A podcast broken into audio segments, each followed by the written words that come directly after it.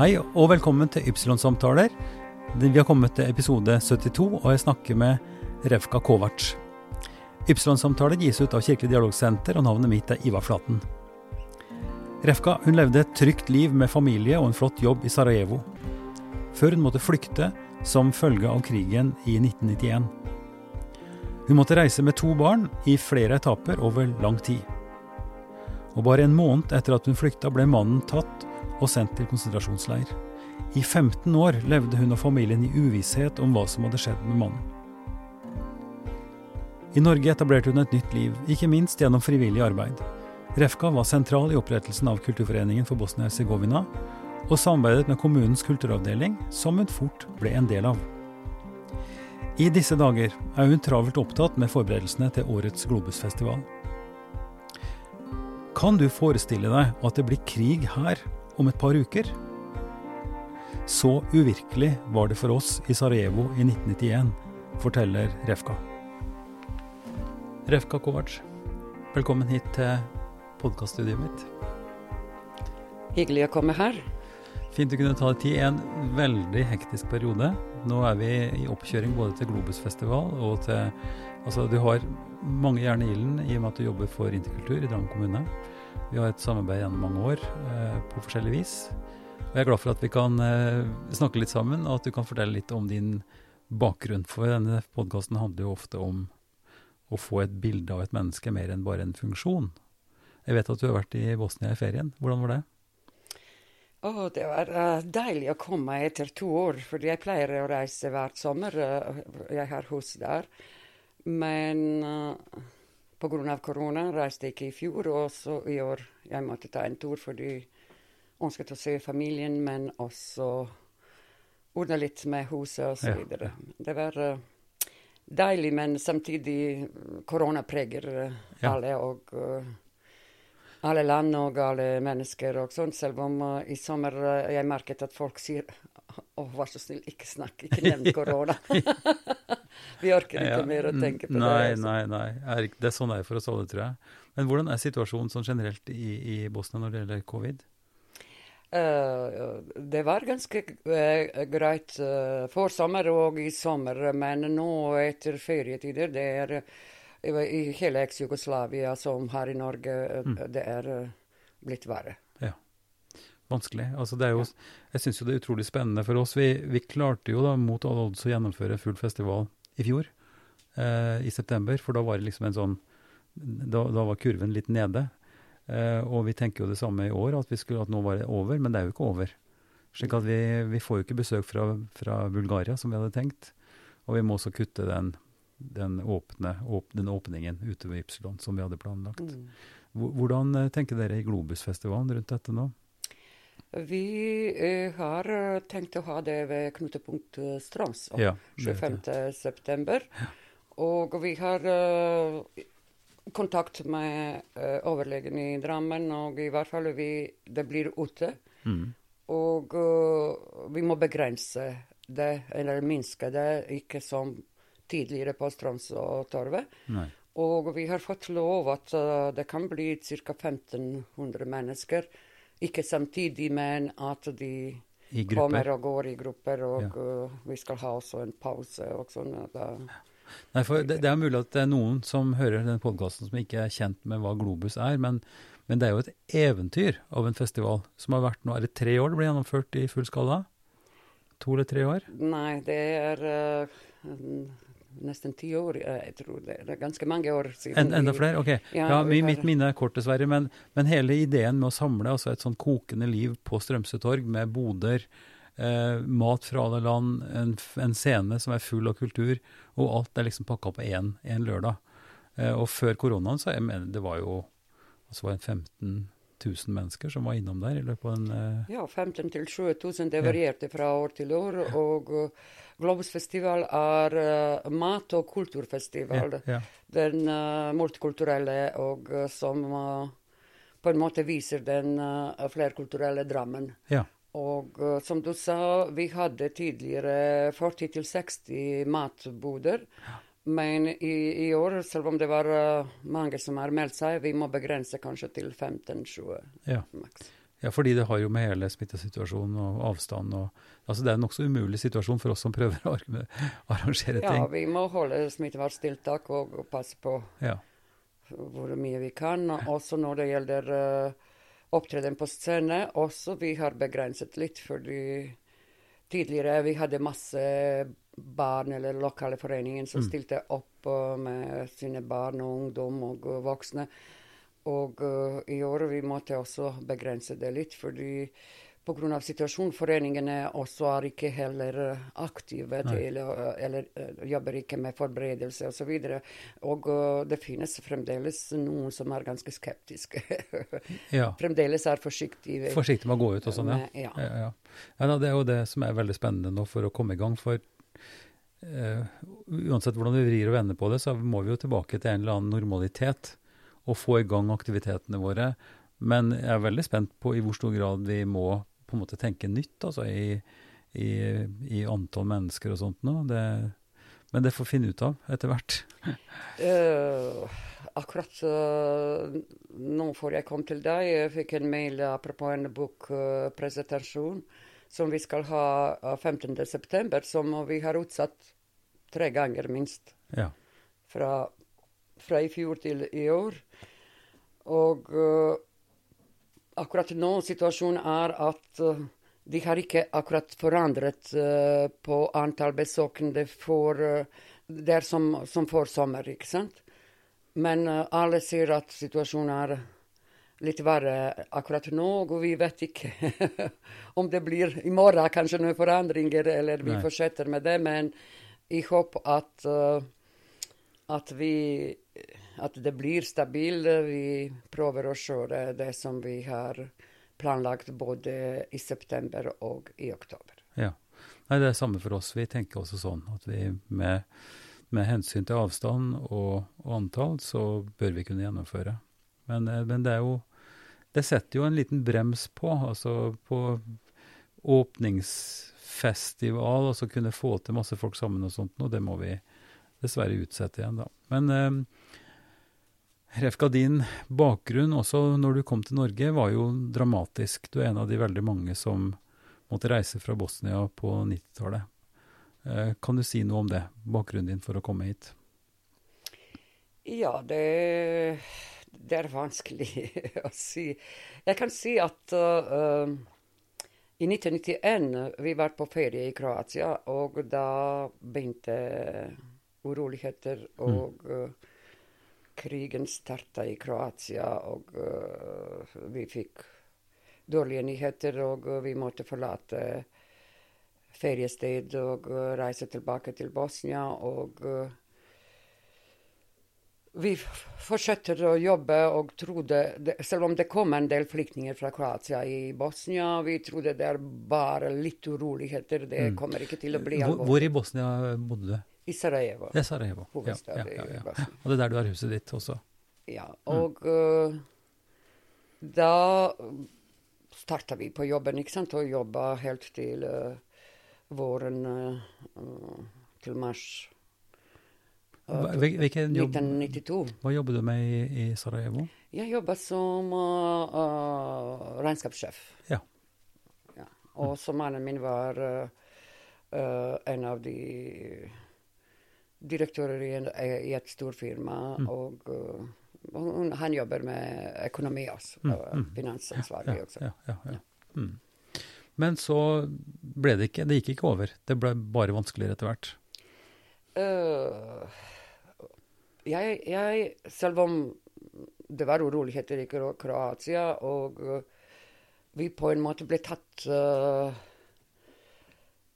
på senga, eller overrasket eh, at, uh, at det virkelig blir alvorlig. Og så begynte uh, noen folk med loer over hodet som satte barrikader i gata vår.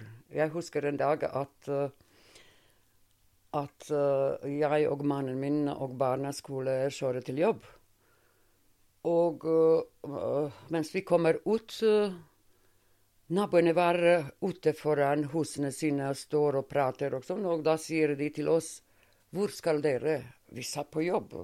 Vi hørte ikke nyheter uh, kvelden før. eller noe sånt.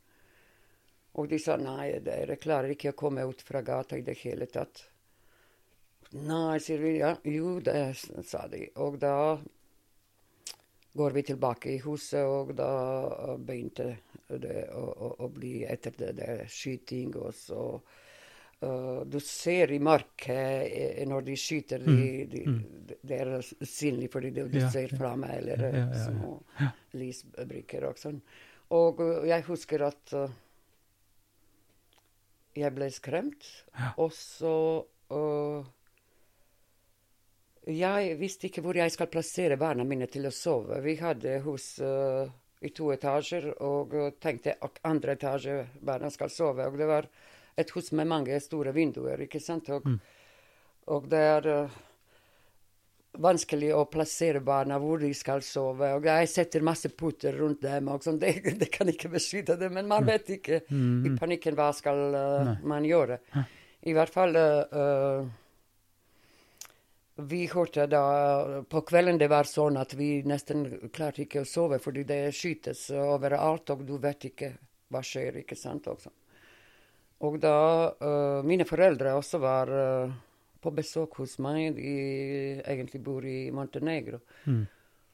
Og da Vi trodde at det blir ikke noe alvorlig, men en kveld det var skikkelig skyting rundt i nabolaget eller uh, hos oss. Og da mannen min sa at jeg skal gå til søstera mi i en annen bydel. Og så kjørte jeg til henne med barna mens han ble i huset med mine foreldre og broren min. Og da overnattet vi der uh, Vi skulle sove hos henne. Mm. Og uh, dagene før det var rolig i hennes uh, bydel, men uh, den kvelden begynte skyting skikkelig der. Og så vi var to damer der med to barn. Og uh, jeg husker at jeg ble skremt. Og så uh, De husene er moderne, som bygges med masse vinduer og, og uh, verandadører som er også i glass og alt. ikke sant? Leiligheten er uh, Åpen, åpen. nesten gjennomsiktig, ikke sant? ja. Og du vet ikke hva, hva skjer. Og da fikk uh, jeg barna på badet. Ja. Mm. Tenkte at det er kanskje mest, øh, eller tryggest, Ja. fordi det var ikke noe vindu der, og så Mm. fliser og sånn. Men barna, stakkars, vil sove. de er slitne, men hva skjer? Og de, de hører skyting og sånn. Og så den ene skulle sitte på badekaret, den andre på toalettskåla, ikke sant. Men de orker ikke å sitte der, og så da plasserer vi dem i badekaret og dekker, eh, setter noen puter og dekker dem med teppe og sånn. Fordi vi tenkte kanskje der er litt tryggere. Men, men vi klarte ikke å, å, å snakke, eller ikke å puste heller, fordi vi var så redde. Fordi Ja, ja, vi vet ikke om det er noen på døra eller ikke. ikke sant? Og så øh, Sånn overnatta vi på badet. Og da dagen etter uh, Jeg ville tilbake Mm.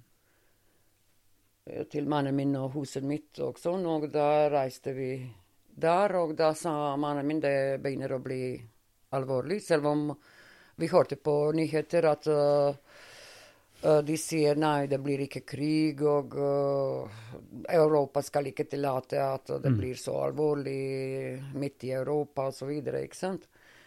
Og da sa uh, mannen min OK, da sender jeg dere til Montenegro med mine foreldre, og uh, at i det minste barna unngår å høre den skyting og, og bli skremt osv. Men vi var heldige at øh, huset vårt var i nærheten av flyplassen, ikke så langt unna. Men gatene var blokkert. Ja. Og øh, jeg fikk øh, to timer til å pakke. Mm. Og da Vi pakka litt, grann, ikke sant? fordi vi tenkte ikke at det er alvorlig. Jeg protesterte egentlig, ville ikke forlate huset og mannen min og øh, broren min. og Mine foreldre også ble med, og så og min svigerinne og hennes to barn Nei, øh, hennes ett barn, og den andre var i magen, egentlig. Hun Ja, var gravid. Ja. Og da uh, mannen min og hennes mann kjørte oss uh, til uh, flyplassen, mm. som er ikke så langt unna. Og da, men vi måtte betale litt, gi penger til at de slipper oss ja. ut fra gata. Bestikkelse, rett og slett? Og så betale litt ekstra til å få billetter, og flybilletter og så videre. Og da Vi tok siste sivilfly fra Bosnia hmm. til Serbia, til Beograd. Fordi det var eneste fly som skulle ja. mm. fly fra uh, flyplassen mm. der i Sarajevo. Og da fra Serbia, der ble vi kontrollert og registrert, og uh, vi tok toget til Montenegro. Og uh, bodde to måneder hos mine foreldre. Mm. Uh, men sønnen min uh, fikk problemer med blindtarm, og uh, han måtte på sykehuset og opereres på sykehuset. Mm.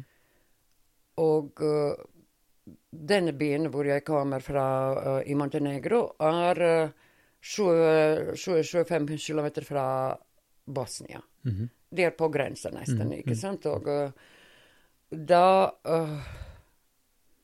på sykehuset uh, var soldater som er skadet i krigen. Mm -hmm. og sånn. Allerede der var mye problemer også. Selv om uh, sønnen min skulle ligge på barneavdelingen. Uh, det var ingen barn, bare han og disse soldater som er skadet i mhm. krigen. Mm. Og da Legene var så hyggelige og opererte ham, men vi måtte sitte ved siden av ham. Jeg, mamma og pappa bytta ja, vakt og sånn. ikke sant? Og mm. da en dag da mamma skulle erstatte meg Det kom noen soldater som har truet henne. At hun får ikke lov å, å bli der, eller hm. mitt barn, og så videre. At de hadde til og med pistol og truet henne, og uh, hun kom hjem og veldig skremt, og legene prøvde å roe dem, og så videre. Og da, da jeg fikk vite det, jeg fikk uh, panikk, og uh, vi gikk til legene, og de sa at de kan ikke garantere for vår sikkerhet at vi må dessverre forlate mm. sykehuset. Mm. Selv om sønnen min var nylig operert, og han sa dere er heldige at vi, vi bodde ikke så langt unna sykehuset, at, at mm. vi måtte mm. ta ham hjem, fordi de klarer ikke å garantere for hans sikkerhet. Og da vi gjorde det, og så han skulle komme hver annen dag til å bytte bandasjer osv. I hvert fall uh, Vi ble der en stund, og så uh, Plutselig hører jeg at uh, jeg, jeg, hadde telefonsamtale med mannen min mm. i Bosnia hver dag, og uh, vi var unge, egentlig, som var uh, nyetablerte og hadde hus, hytte, biler osv., ikke sant, og vi trodde at hvis han blir der, på en måte at han skal redde vår hus og ja. mm. biler og hytte og alt som vi hadde var, tenkte naivt, ikke sant. Og uh, en måned etter at jeg har dratt fra Bosnia uh, Vi dro i april, og 14. mai uh, de gjorde vår gata etnisk rent. Og plukket alle mennene fra gata i Sarajevo og sendte dem i en konsentrasjonsleir. Og jeg snakket uh, nesten hver dag for det med mannen min, og så en dag ringer jeg, og ingen svarer. Men jeg, uh, siden jeg jobbet i regnskap, hadde en profesjonell feil, kanskje, at jeg husket alle telefonnummer utenat fra mine naboer, fra mine venner, fra Var som en te telefonkatalog. Oi, oi, oi. Og uh, da ringer jeg ikke sant, til flere, og så og svarte en mann og sa at uh, uh, de er okkupert, og så at det er mye skyting. Jeg hører skyting, ikke sant. At mannen min ble tatt og med, med broren min fra huset mitt at de vet ikke hvor er de, men at de kunne ikke snakke fordi de var redd. Fordi de, de soldatene var, Mm. Var foran huset og Ja. sånn. Og da uh, Jeg fortsetter å ringe, og så uh, finner en uh, nabovenninne som sa at uh, det var tilfeldig at jeg har uh, fått kontakt med dem, fordi uh, de var i et hus, alle kvinner Mhm. fra gata som var igjen i, i, i, i gata. De ble låst i et hus, mens mennene plukkes fra hus til hus og sendes til, til konsentrasjonsleir. Og da sa hun at uh, de er livredde, og at soldater er foran huset, men at damene står rundt henne til å dekke henne, at uh, de ser ikke at hun snakker i telefon og så videre. Mm. Og da skjønte jeg at uh, uh, det er virkelig krig, og virkelig, virkelig alvorlig der, og at vi må gå videre. Også i Montenegro Hvordan gikk det med mannen din? Han ble plassert i en konsentrasjonsleir i nærheten av uh, flyplassen. Og uh, flere år vi prøvde å finne ham. Via forskjellige organisasjoner, via Røde Kors, via alt mulig. Men uh, det hjalp ikke. 15 år etter krigen fikk jeg beskjed fra uh, en kommisjon som jobber med samlede personer som uh, sa til meg at uh, de har funnet ham i en massegrav på et fjell utenfor Sarajevo. Med 40, 40 menn fra, fra samme gate. Forferdelig. Ja. Og da 15 år, vi visste ikke hvor er han, hva skjer. Og det var vanskelig, men uh, selv om etter 15 år det var liten håp at han lever, Mm. men man Man, prøver. man har håpet likevel. Ja.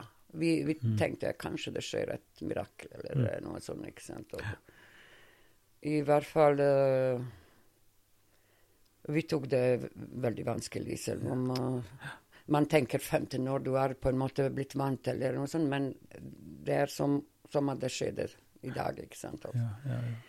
Og da Men, men grunnen til at du kom til Norge og, og fant den veien, eh, hva var årsaken til det? ja, ja, jeg går tilbake til Montenegro etter Ja. at sønnen min ble operert, og det som Ja. vi har opplevd. Da uh, begynte uh, soldater å, å, å, å, å troe oss. Mhm. De visste at vi er kommet fra Sarajevo, at vi bodde der, og uh, begynte å tro uh, mine foreldre og oss, og begynte å skyte foran blokka. Og en dag barna lekte, og de kommer løpende inn i leilighet fordi de var livredde at noen soldat står ved siden av dem og skyter. Og de, de drakk mye også og prøvde prøvde å vise Skremme folk på en Ja. måte, ikke Ja. sant. Og da uh, begynte uh, foreldre å forstå at vi er ikke trygge der. Og så mine barndomsvenner, fordi det er min barndomsby, mm. sa at det er uh, veldig utrygt for oss, siden vi er Vi, vi var flyktninger der, ikke sant, fra Ja. Sarajevo.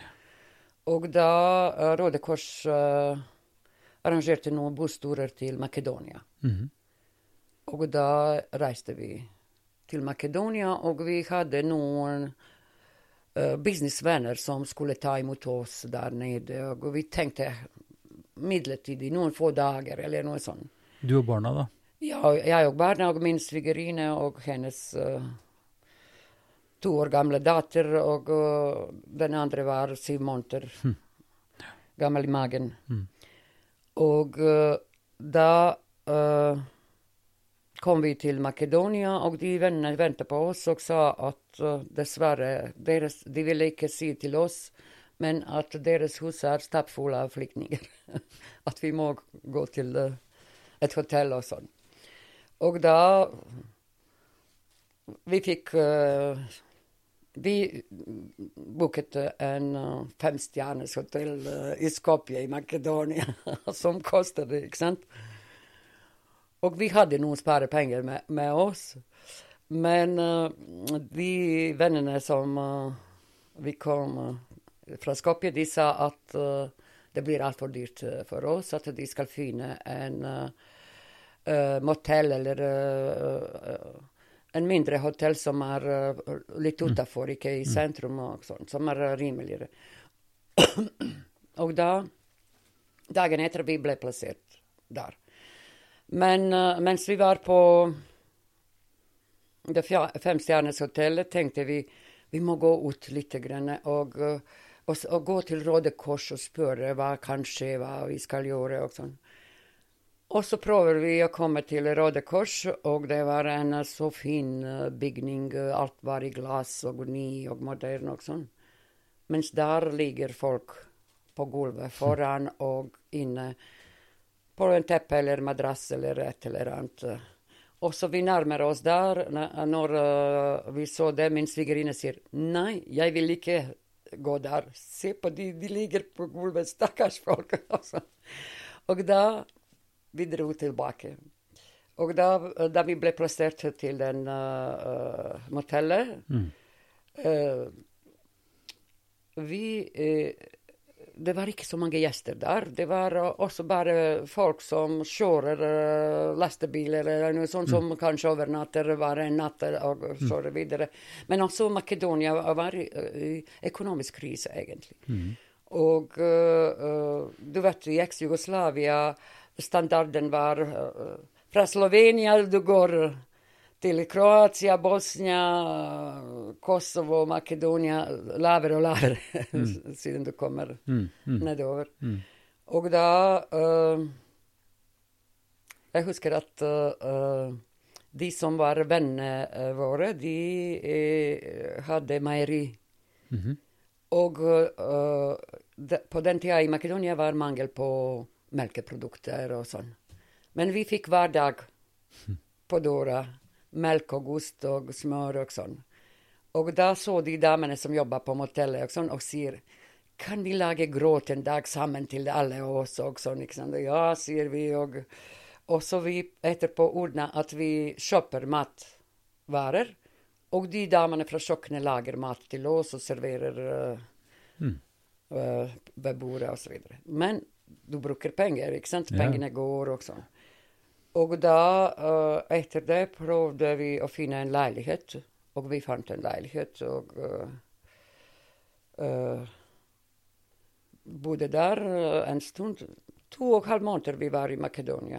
Men det begynte folk å snakke det blir krig i Makedonia. Og da måtte vi flykte videre. Selv om vi vurderte skal vi allikevel dra tilbake til uh, Montenegro eller til Makedo eller uh, videre i Europa. Og da traff jeg to damer også fra Sarajevo som var flyktninger der, som hadde en venninne i Oslo. Og da vi ringte til henne, siden vi hadde telefon, men de andre damene som hadde venninne i Oslo, de hadde ikke telefon i leiligheten. Og da hun inviterte oss hit. Men vi sa ah, nei til Norge, vi går til uh, Frankrike, Sveits eller uh, Tyskland. Norge er så langt unna, og mm, det er mm. sikkert iskaldt og sånn. ikke sant? Mm. Nei, sa hun, klimaet i Oslo er nesten som i Sarajevo. og sånn. OK, sier vi. Da kommer vi, fordi vi tenkte vi blir der kanskje en måned maks, eller noe sånt. Og da reiste vi og det var ikke så enkelt å, å reise heller fra Skopje til, eh, til uh, Oslo, fordi vi gikk til alle reisebyråer. Ingen hadde flybilletter til uh, Oslo. Og da, via noen kontakter, fant vi noe fra Skopje til Sofia, og fra Sofia til uh, Oslo. Men vi reiste med en fly fra Skopje som var så liten. Men hadde altfor mange mennesker. Mm. Det er sikkert svarte ja, ja, ja, billetter eller noe sånt, fordi vi, vi, måtte holde barna i fanget. Og så uh, bagene våre var ikke på flyet i bagasjerommet, men bak uh, egentlig også. Flyet var veldig ustabil, og vi tenkte herregud, hva skjer med oss? Og uh, i hvert fall vi kom til Norge og uh, ble plassert i Tanum. 15 dager i Sandvika, og så etterpå uh, fikk vi Kragerø og bodde der to år. Og ble forelsket i Kragerø, en nydelig by og uh, med mange hyggelige mm. mennesker. Mm. Vi fikk der venner, og uh, mm. det hjalp litt.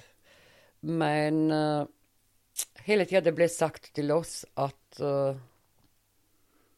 vi skal lære språk, men at vi skal sendes tilbake. Og da var vi ikke interessert heller å, å, å, å lære språk, og, uh, fordi vi hadde en vanskelig situasjon. Vi hadde ikke kontakt, kunne ikke ringe til uh, familien og finne ut hvordan går det med dem, hva skjer, osv. I hvert fall uh, var litt deprimerte også. Mm. Og da også to kvinner med fire små barn Glemte å si at uh, min svigerinne fikk uh, den uh, gutten, og hun hadde fødsel i, fødsel, i Makedonia, fikk en gutt. Mm. Og sju dager gammel han ble tatt på fly til Norge. I hvert fall Ja, det var ikke så enkelt å være i asylmottak. To kvinner med små barn. og det var mange forskjellige mennesker, og uh, noen kanskje også med kriminell bakgrunn, og vi var uh, livredde. Ja.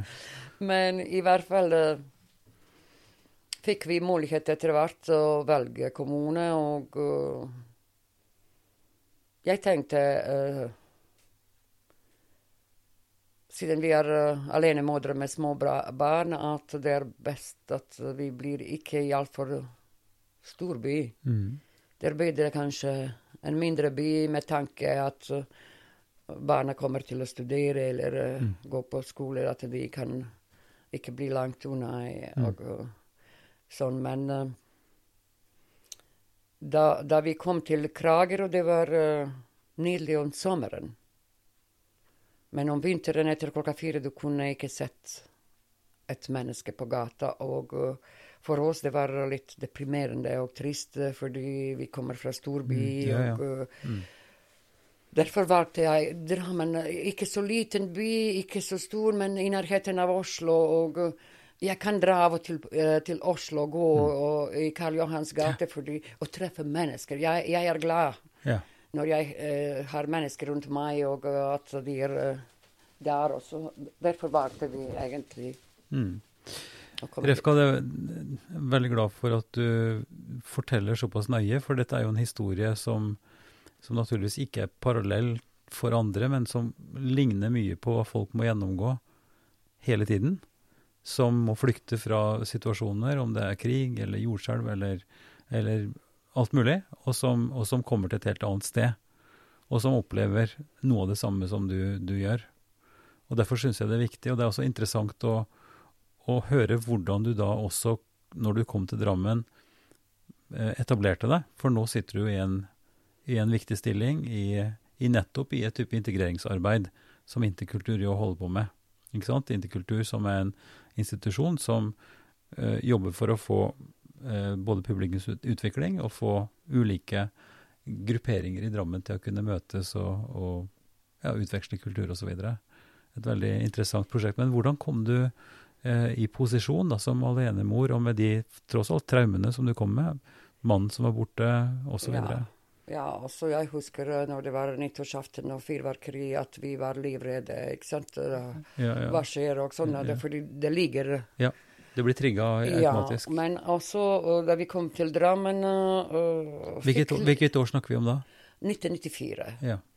Og så jeg husker at uh, jeg vet ikke, jeg var alltid pratsomt og aktiv og sånn, og da Jeg fikk ikke så mye hjelp som jeg trengte i, i, i Drammen, med leilighet, med disse, alle disse ting. Og uh, de sa hele tida at jeg klarer meg. Jeg klarer meg selv. ja, ja, ja. Men, eh, men, jeg var så sliten og uh, trist uh, på grunn av alt som skjedde. Og uh, hadde ikke kontakt med familien. og sånn, Selv om jeg prøvde og satt på gata og prøver å ringe flere timer i, i vinter i sommer og sånn. I hvert fall Ja, sosialkontoret var litt frekke, og jeg ble så skuffet at jeg sa Selv om jeg var helt blakk på, på, på, på begynnelsen da vi kom til Norge Vi fikk så lite penger at det var ikke nok etter det som jeg er vant til å bruke. Nei. Og jeg var blakk hele tida på slutten av måneden. Og måtte bruke litt mine sparepenger som mm. jeg hadde med meg. Og det, det, var ikke så mye igjen, fordi vi betalte de flybillettene osv. Mm. Og da uh, Det tok seks måneder at jeg lærte å bruke det lille sparsomt som jeg mm. fikk. ikke sant? Mm. At uh, du får ikke lov å kjøpe det og det. Hver eneste krone må være godt planlagt. Også. Men Si litt mer om Du, du sier at sosialkontoret var frekke, eller du opplevde det som utilbørlig. Hva var det du opplevde? Ja, jeg opplevde at uh, Uh, jeg hadde ikke noe teppeleilighet, jeg hadde ikke støvsuger, hadde ikke TV, hadde ikke noe, bare noen sofa og senger. Og kom, en gammel komfyr som var uh, sånn, nesten uh, går i stykker. Og da spurte jeg kan jeg få noe av det, og da sa hun å, nei, du må begynne å jobbe og skaffe det. Det var en ung dame som var nylig begynt på mm. sosialkontor. Og så sa jeg men jeg trenger hjelp nå, jeg vil gjerne jobbe i morgen hvis jeg finner jobb. Selv om jeg har ikke vært på norskkurs eller noe sånt. Og da Vi prata, men hun sa at hun har ikke tid å prate med meg, og slå på røret. Og for meg det var en virkelig det verste opplevelse at noen uh, avbryter sånn telefonsamtale, ikke sant? Og jeg ble så sint og sa OK, jeg, jeg skal ikke be sosialkontoret om hjelp. Og jeg gikk fra butikken til butikken, på biblioteket, og spør etter jobb. Selv om jeg snakket uh, ganske dårlig norsk, men, men, jeg ville jobbe, og jeg ville ikke be om hjelp. Og jeg, mm. sparepengene er borte, og så jeg har brukt alt, og jeg var skikkelig blakk. Men etter uh, noen dager jeg nesten har ikke nok å spise, da måtte jeg svelge min stolthet og ringe igjen mm. til henne. Og da ringer jeg og sier uh, at jeg vil ha et møte med hennes sjef mm. og prate med ham. Hun sa trenger ikke, han har ikke tid, du, du, kan snakke med meg. Og jeg sa nei, jeg vil møte sjefen din. og... Uh, snakke med ham. Og da spurte hun om hun kan bli. Jeg sa ja, det er ikke noe problem. Og så bestilte tolk. Og da avtalte hun. Mens jeg maset, jeg sa hvis du avtaler ikke måte, jeg skal ringe ham direkte og mm. finne måte hvordan jeg skal komme til ham. Og så ordna hun, et måte, og jeg forklarte. Hva skjedde, og sånn, hvordan, hvordan hun oppførte seg. og sånn. Og da sa hun ja, se på dere, dere har Adidas joggesko, og dere skal shoppe noen billige saker. og sånn. Jeg sa de, de er fra Bosnia. Det er det som vi har hatt. Vi hadde gode klær og gode ting, men vi hadde ikke så mye, fordi uh, vi hadde, Åstre oss tre hadde en liten bag. Og så forklarer jeg til sjefen hva skjedde, hvordan hun snakker med meg osv. Jeg sa dere har deres lover og regler. Og jeg aksepterer det.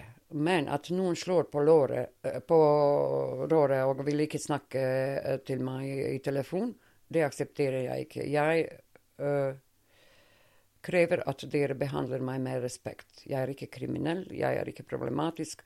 Jeg er et uh, menneske som er flyktet fra krigen, og uh, jeg vil behandles med respekt. Men jeg forstår hva er lover, regler, hva har jeg rett på, hva jeg har ikke rett på, og så ferdig.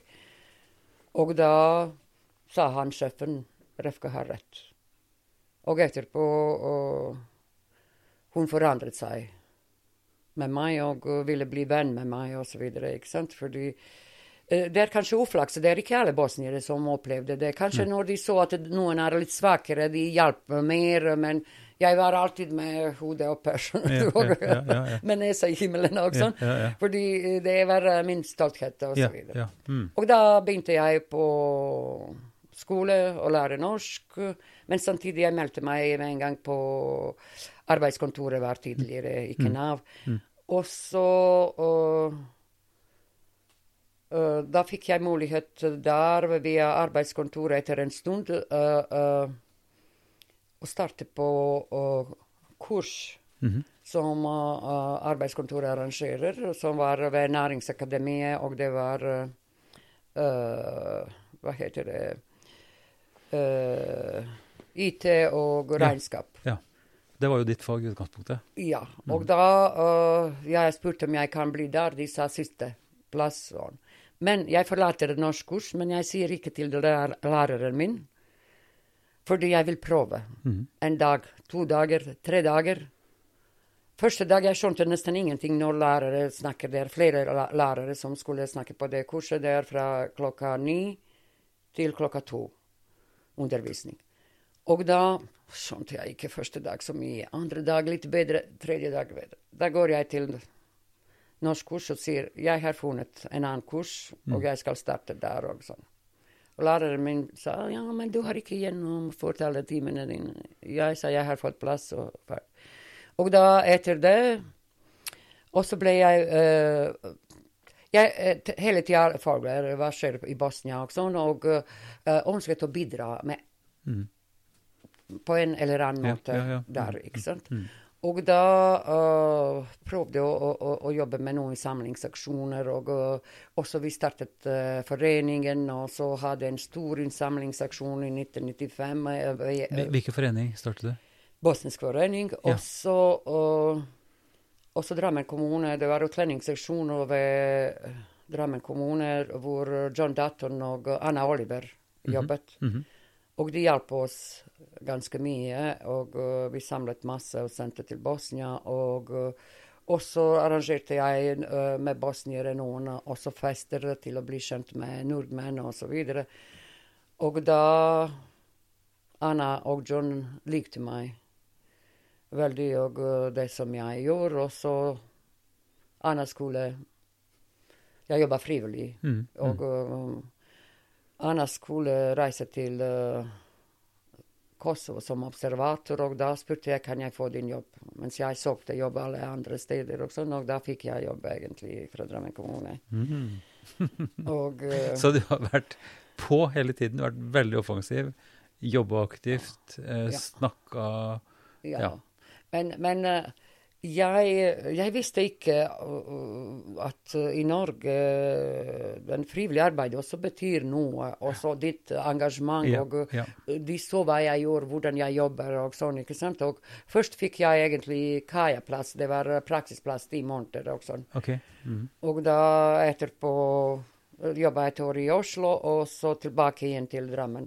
I hvert fall eh, det er de som, som hjalp meg, og da begynte jeg å jobbe med uh, kartlegging av minoriteter og uh, kontakte dem og sette i gang noen forskjellige tiltak osv. Og, så videre, og da ja, og da jobbet jeg med arrangementer til, eh, Og dette til gjort. Interkultur ble stiftet. Dette har du gjort hele veien, og inn i Ja. indiekultur og til i dag. Ja. ja. Hvordan har, hvordan har dette forandra seg fra du var med og stifta Bosnisk forening og fram til i dag, syns du? Åh, ja, det er eh, Det er eh, en del forskjeller. eh, På den tida som, som, som mine kolleger, når jeg snakker om det, sier OK, da fikk du jobben sånn, ikke sant, men det ville ikke du gjort i dag. Ikke i dag, nei. Ja. Og så det var kanskje andre tider og mm. litt mer Det var viktig å vise hva du kan, og eh, at du er flink med det og det. Og så Ja, også situasjonen.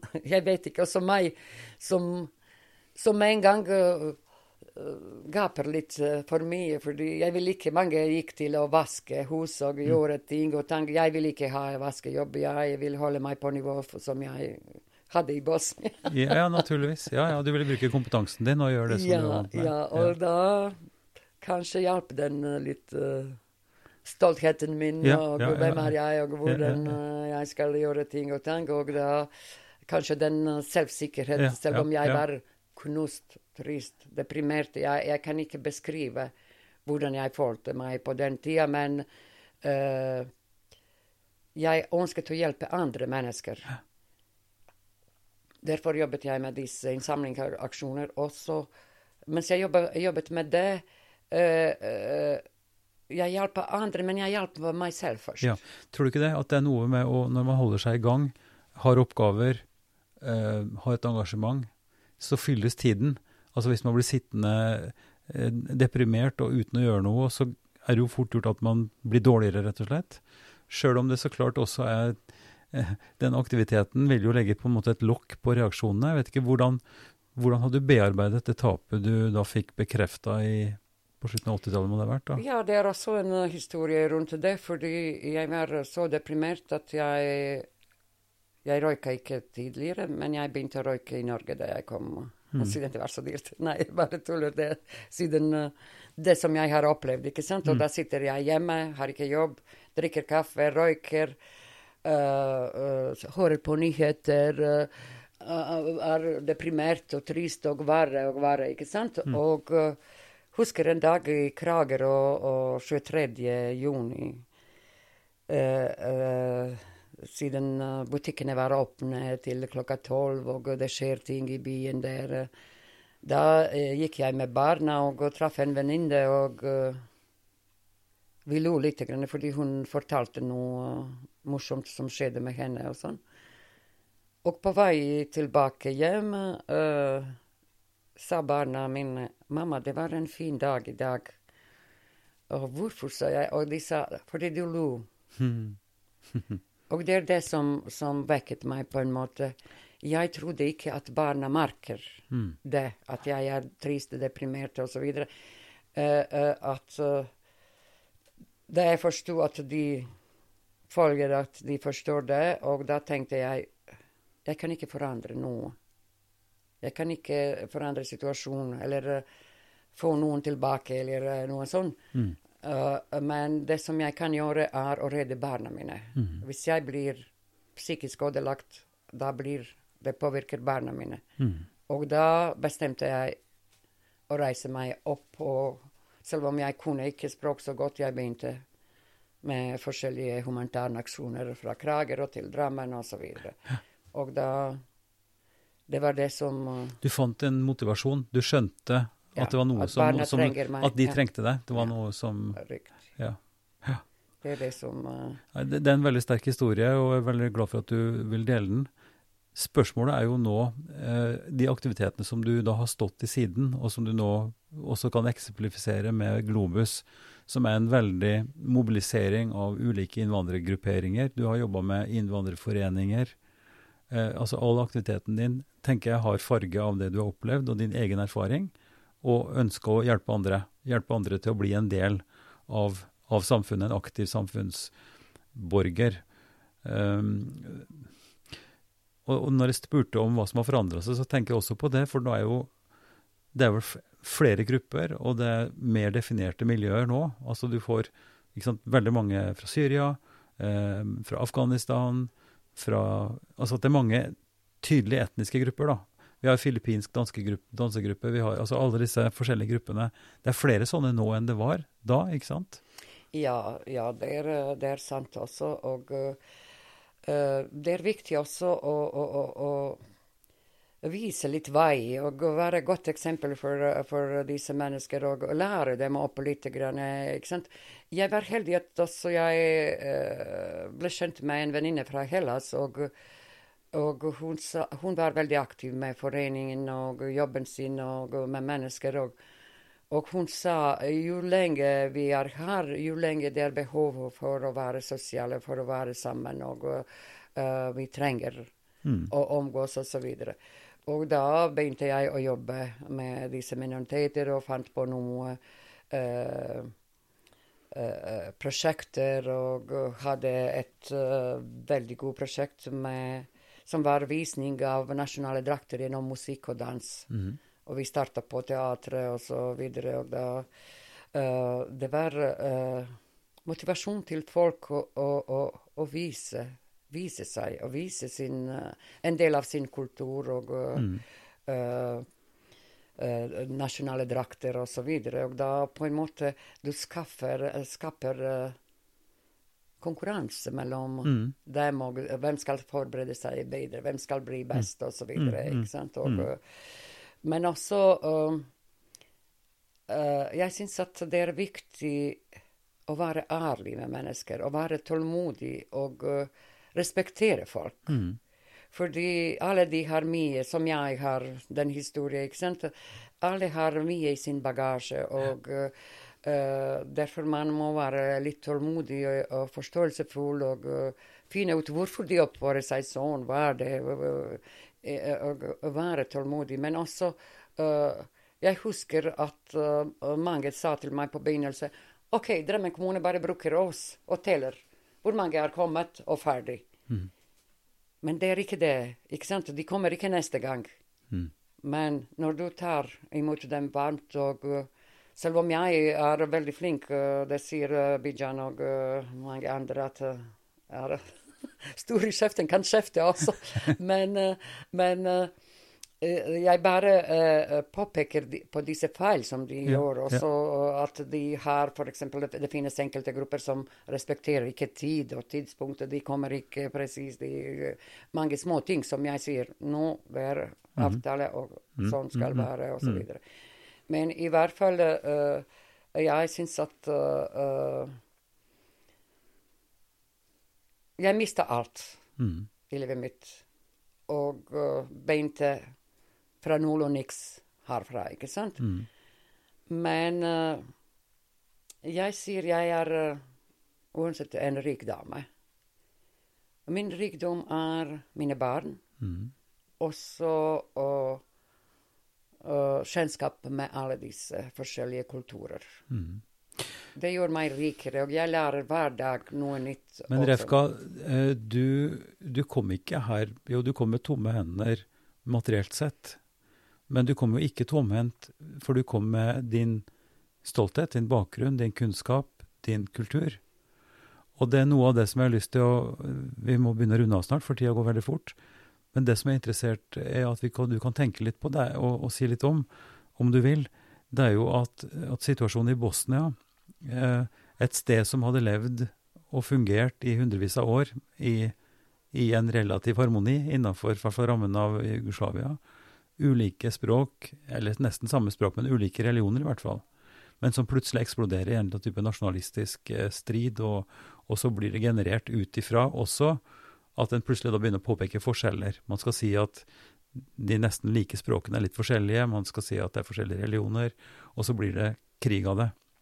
Mitt poeng er å, å kunne si at kultur kan bidra til enhet og fellesskap, men kultur kan også være en markør for å skille og sortere vekk folk og, og skape eh, problemer. Og, og et, sånn som jeg definerer det og tenker for mitt arbeid, så handler jo det om å, å bruke kultur og også religion til å finne fellesskap på tvers. Finne trygghet og aksept i forskjellighet, men i at man har de grunnleggende tingene felles. Og at det er en vesentlig del, vil jeg tro, av, og vet at Drammen kommune, Interkultur og ellers, jobber jo nettopp med fellesskapsbygging. Men å, ut, å bruke forskjellighetene konstruktivt, altså anerkjenne forskjeller, men også skape et fellesskap.